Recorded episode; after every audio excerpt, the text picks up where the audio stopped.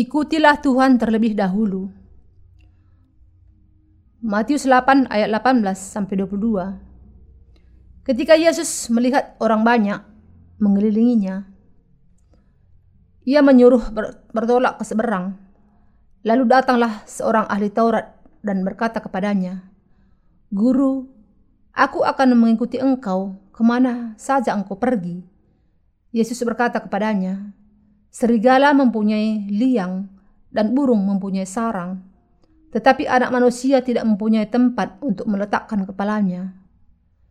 Seorang lain, yaitu salah seorang muridnya, berkata kepadanya, "Tuhan, izinkanlah aku pergi dahulu menguburkan ayahku." Tetapi Yesus berkata kepadanya, "Ikutlah aku dan biarlah orang-orang mati menguburkan orang-orang mati mereka."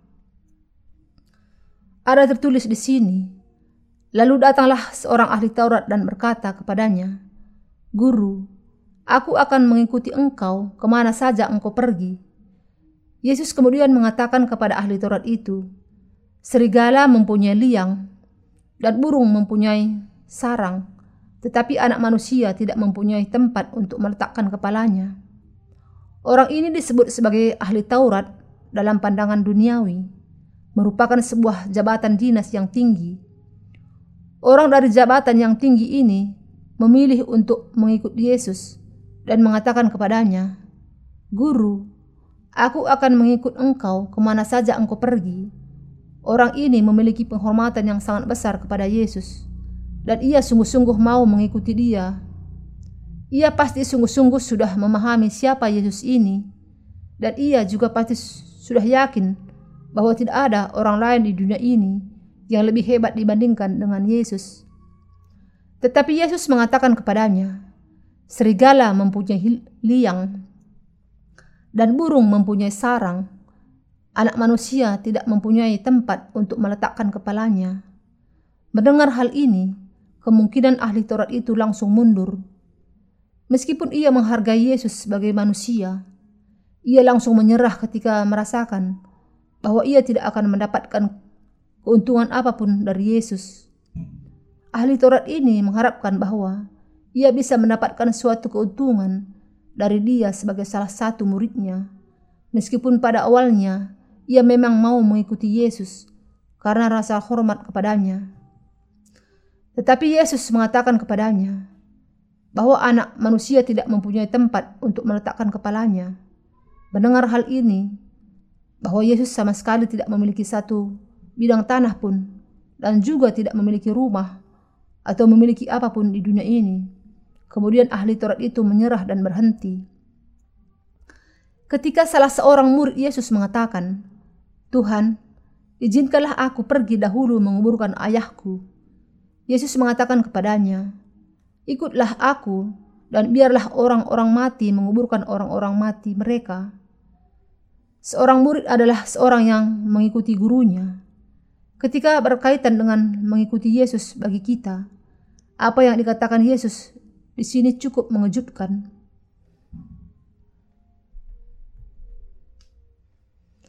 Yesus sedang mengatakan bahwa manusia duniawi tidak bisa mengikuti Tuhan meskipun mereka mau, dan tidak ada yang bisa mereka dapatkan dari mengikut Tuhan. Dalam kenyataannya, keuntungan duniawi apakah yang bisa diperoleh seseorang dengan mengikuti Tuhan? Ketika Yesus mengatakan bahwa anak manusia tidak memiliki tempat untuk meletakkan kepalanya, orang-orang duniawi tidak memiliki alasan untuk mengikuti Tuhan. Untuk mengikuti Tuhan, orang harus mengasihi Injil. Salah seorang murid meminta kepada Yesus untuk menguburkan ayahnya dan kemudian mengikuti dia. Karena ayahnya meninggal, bukankah sudah sangat pantas bagi dia untuk terlebih dahulu memberikan pemaka pemakaman yang layak kepadanya dan kemudian mengikuti Yesus? Mungkin ini merupakan sesuatu yang benar kalau diukur berdasarkan etika dan moralitas dunia ini. Tetapi di dalam Alkitab, Yesus mengatakan, Ikutlah aku dan biarlah orang-orang mati menguburkan orang-orang mati mereka. Bagaimana dengan kata lain? Seseorang bisa menyebut dirinya sebagai murid Yesus yang yang mengikuti Tuhan hanya setelah ia menyelesaikan semua masalah jasmaninya terlebih dahulu. Kalau seseorang sungguh-sungguh mau mengikuti Tuhan, maka ia harus menyangkal dirinya, memikul salibnya, dan mengikuti Tuhan. Markus 8 ayat 34 Alkitab menjelaskan kepada kita di sini bahwa kalau kita sungguh-sungguh mau mengikuti Yesus Kristus, kita hanya bisa melakukannya kalau kita membiarkan orang-orang dunia mengurus urus urusan dunia mereka. Mari kita memikirkan hal ini dengan seksama. Ketika Anda berusaha untuk mengikuti Tuhan, ada banyak halangan daging yang akan menghalangi Anda untuk bertetap di dalam pemuridan Anda secara setia. Ketika seseorang bertemu dengan Tuhan dan ingin mengikuti Tuhan, halangan yang pertama yang harus dihadapinya adalah masalah keluarga. Kalau ia tidak memperhatikan keluarga, ia akan merasa bersalah terhadap mereka, dan ia selalu dan ia lalu memutuskan untuk dirinya sendiri bahwa ia akan memperhatikan dan menolong mereka. Setelah dilahirkan kembali, ada saat di mana saya sungguh-sungguh mengalami masalah yang sama. Kakak saya meninggal dunia secara tiba-tiba, meninggalkan istrinya, dua orang anak laki-laki, dan dua anak perempuan. Jadi semuanya empat orang, sendirian. Saya sangat mengasihi dan mau memperhatikan keponakan-keponakan saya itu sejak saya sejak mereka masih bayi. Tetapi titik balik yang besar terjadi bahwa ketika kak saya baru saja meninggal dunia, lalu saya dilahirkan kembali. Saya kemudian memiliki rasa panggilan tugas untuk orang-orang yang masih terhilang, dan saya juga memiliki kerinduan yang kuat untuk mengikuti Tuhan. Hati saya sangat ingin memberitakan Injil, bahkan meski hanya untuk satu orang saja, dan menolong dia untuk menerima pengampunan dosa. Tetapi ada sesuatu yang menahan saya untuk melakukannya. Mengenai para keponakan saya. Saya merasa bahwa saya harus mencari uang untuk merawat mereka. Tidak ada perjanjian yang bisa mengharuskan saya untuk melakukan hal ini, tetapi saya memiliki kerinduan ini di dalam hati saya.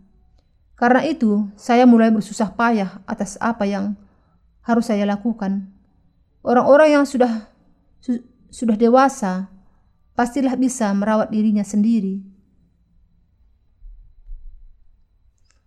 Tetapi karena para keponakan saya masih sangat kanak-kanak, yang hidup dengan ibu mereka yang masih sangat dikuasai kesedihan karena kehilangan ayah mereka, saya merasa bahwa saya harus berlaku baik kepada mereka dan memperhatikan mereka. Dan agar saya bisa memperhatikan mereka dengan baik, saya harus mendapatkan uang. Memastikan bahwa akan ada uang yang cukup untuk memperhatikan mereka semua, termasuk kakak ipar saya bukanlah hal yang mudah untuk saya. Uang dalam jumlah yang cukup besar diperlukan untuk memberi makan semua anak-anak itu, memberi pakaian mereka dan menyekolahkan mereka. Tetapi saya juga harus memberitakan Injil. Kalau saya mau memberitakan Injil, saya tidak bisa memperhatikan mereka. Dan kalau saya memperhatikan mereka, saya tidak bisa memberitakan Injil. Karena itu, saya terus berpikir keras dan merasakan kesulitan yang besar dalam waktu yang sangat lama tentang apa yang seharusnya saya lakukan. Setelah beberapa saat, saya akhirnya membuat keputusan saya. Kesimpulan yang saya ambil adalah ini. Meskipun sangat penting bagi saya untuk memperhatikan para keponakan saya, saya bisa menolong mereka setelah saya mampu. Tetapi pekerjaan Allah harus dilakukan saat ini juga dan tidak bisa disepelekan. Karena kalau saya tidak memberi, memberitakan Injil, maka akan banyak jiwa di dunia ini yang akan mati karena dosa mereka. Dilema saya tentang apa yang seharusnya saya lakukan kemudian berakhir. Kalau saya tidak memberitakan Injil, yaitu kalau saya hanya mau mencari uang untuk memperhatikan keluarga saya, ini hanya akan menjadi kebahagiaan bagi kehidupan jasmaniah saya saja, atau paling banyak kehidupan lima orang saja. Tetapi kalau saya melayani Injil yang mengikuti Tuhan, maka hal itu akan membawa banyak orang kepada kehidupan dan melayani kebahagiaan yang sejati bagi banyak orang.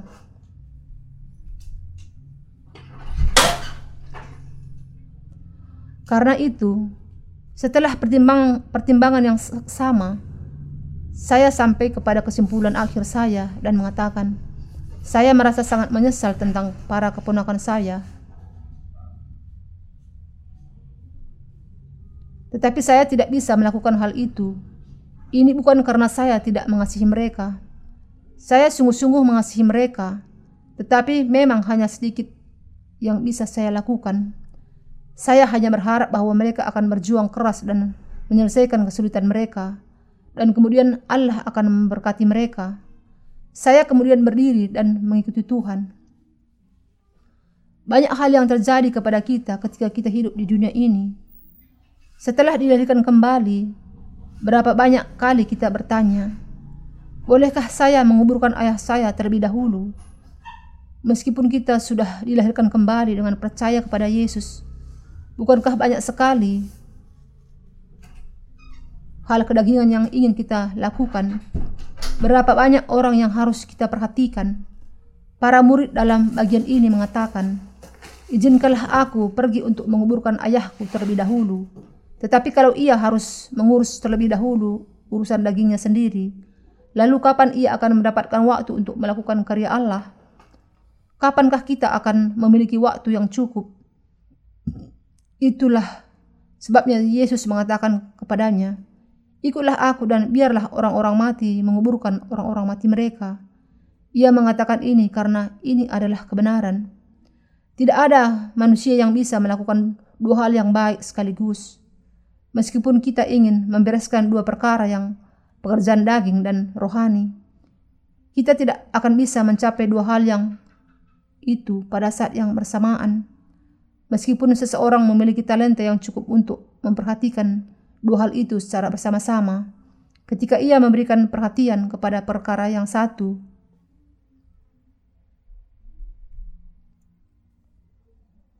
maka ia akan menjadi tidak setia terhadap pekerjaan yang satunya.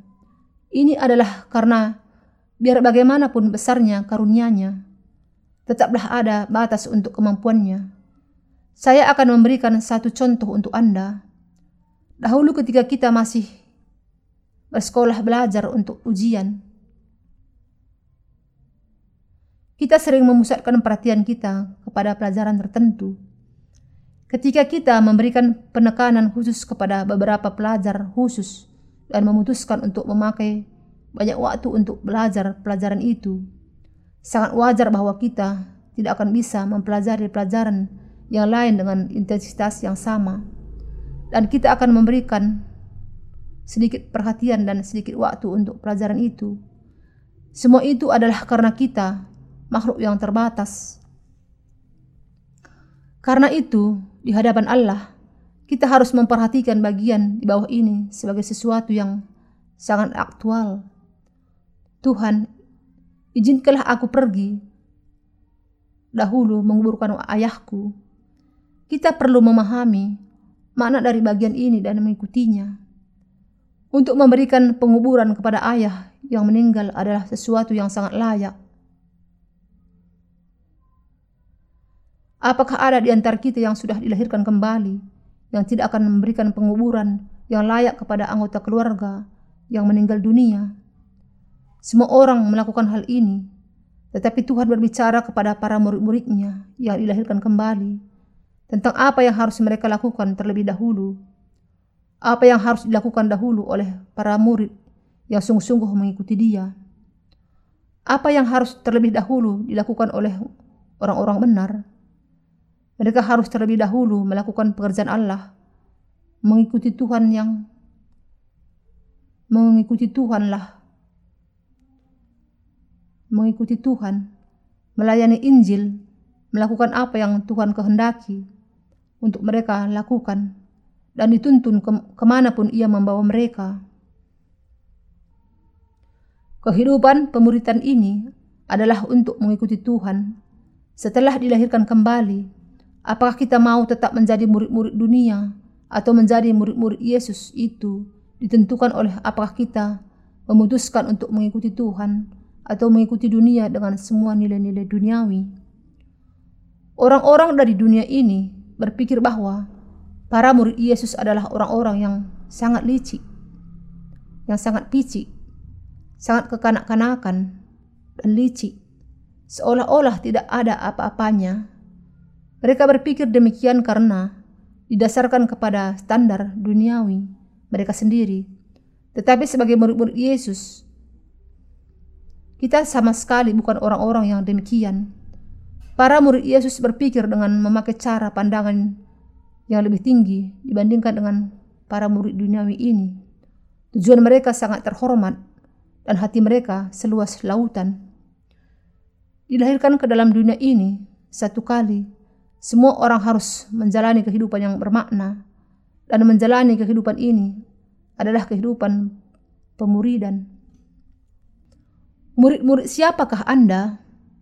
Apakah Anda murid-murid Yesus atau Anda adalah murid-murid dunia ini? Dengan kata lain, dengan kata berbeda, apakah Anda pengikut dunia atau Anda pengikut Yesus? Orang-orang yang mengikuti Yesus akan meninggalkan segala sesuatu dari dunia ini dan berusaha untuk melayani Injil Tuhan. Orang-orang yang hidup demikian adalah orang-orang yang menjadi murid-murid Tuhan. Di dalam gereja Kristus, ada beberapa orang percaya awam yang melayani Tuhan sementara menjalani kehidupan sosial mereka, memperhatikan keluarga mereka, dan melaksanakan pekerjaan serta usaha mereka dengan tekun. Ini tentu saja juga merupakan kehidupan pemuridan dari Tuhan. Tetapi ada juga orang-orang yang mengikuti Yesus dan melayani Injil Tuhan secara penuh dan sangat khusus. Mereka adalah para murid Yesus yang sejati dan mereka menjalani kehidupan pemuridan yang baik. Tidak peduli apa pun yang terjadi, seorang murid mengikuti jejak kaki gurunya Para murid Yesus suka melakukan apa yang dikehendaki oleh Yesus dan mereka lakukan untuk mereka lakukan. Karena itu, orang-orang yang sudah memutuskan untuk percaya dan mengikuti Yesus harus mengikuti Tuhan sampai selama-lamanya. Yesus mengatakan di sini, "Ikutlah aku." Dan memang sebuah kesukaan yang besar untuk bisa mengikuti Dia. Bukankah memang Yesus adalah guru agung?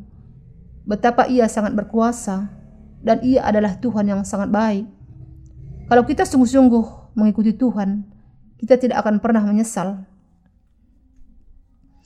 Kalau kita mengikuti Tuhan, ia tidak akan pernah membuang kita dan ia juga tidak akan pernah mengkhianati kita dan mengikuti Tuhan tidak pernah sia-sia. Tuhan Yesus mengatakan kepada murid-muridnya, Karena itu pergilah, jadikanlah semua bangsa muridku, dan baptislah mereka dalam nama Bapa dan Anak dan Roh Kudus. Dan ajarlah mereka melakukan segala sesuatu yang telah kuperintahkan kepadamu. Matius 28 ayat 19 sampai 20. Ia masih memerintahkan kepada kita, para murid di zaman ini, untuk menjadikan segala bangsa sebagai muridnya. Yang harus sungguh-sungguh kita pikirkan adalah tentang apakah pemuridan yang sejati itu dan menguji dengan seksama tentang apakah kita memang menjalani kehidupan sebagai murid atau tidak dengan menyingkirkan dahulu jadwal kita yang padat dan tugas mendesak kita untuk sementara. Kita harus berpikir tentang hal ini secara serius. Kita harus menguji kembali pikiran kita di hadapan Tuhan. Apakah kita senang dengan keputusan kita untuk menjadi muridnya atau tidak? Dan apakah kita sungguh-sungguh siap untuk memperkenankan panglima kita yang sudah menjadikan kita sebagai prajurit-prajuritnya. 2 Timotius 2 ayat 4 Kita harus menegaskan bahwa kehidupan sebagai muridnya adalah kehidupan yang paling berharga dan paling layak yang bisa kita jalani. Dan kemudian kita harus menetapkan kembali hati kita menjadi murid-muridnya yang baik sekali lagi. Saudara seiman yang terkasih, ahli Taurat itu mau mengikuti Tuhan, tetapi ia tidak sanggup melakukannya. Ia tidak berhasil karena Tuhan sudah mengatakan kepadanya bahwa tidak ada keuntungan apa pun yang akan diperolehnya dengan mengikuti dia. Ia mengatakan, Aku tidak memiliki apa pun, tetapi jika engkau masih mau mengikuti aku, ikutlah aku. Aku tidak memiliki harta, benda di dunia ini, tetapi sebenarnya aku adalah yang terbesar di dalam kerajaan surga. Tuhan atas bala tentara dan raja segala raja, tetapi aku tidak memiliki apa pun di dunia ini. Serigala memiliki lubang dan burung memiliki sarang, tetapi, tetapi aku tidak memiliki tempat untuk meletakkan kepalaku. Jadi kalau aku mau bahwa engkau mengikuti aku dengan berdasar kepada hawa nafsumu sendiri, engkau harus sungguh-sungguh memahami bahwa engkau tidak akan mendapat keuntungan apa pun dari dunia ini. Kalau engkau mau mengikuti aku, meskipun sudah memahami hal ini, ikutlah aku. Tetapi ke kepada para muridnya, Yesus mengatakan, Ikutlah aku, Biarlah orang-orang mati menguburkan orang-orang mati mereka, dan ikutlah aku. Siapakah orang-orang mati di sini? Apakah mereka orang-orang yang belum dilahirkan kembali? Mereka adalah orang-orang yang tidak mau percaya kepada Yesus dan Injil sejatinya, Injil air dan roh. Dunia ini mungkin penuh dengan halangan dan mungkin sulit bagi kita untuk mengikuti Tuhan. Tetapi sepanjang kehidupan Anda, ingatlah apa yang dikatakan Tuhan di sini. Ikutlah aku. Adalah pengharapan dan doa saya bahwa Anda akan senantiasa ingat di dalam hati Anda bahwa Tuhan sudah memerintahkan agar Anda mengikuti Dia dan bahwa Anda memang akan melakukan hal itu.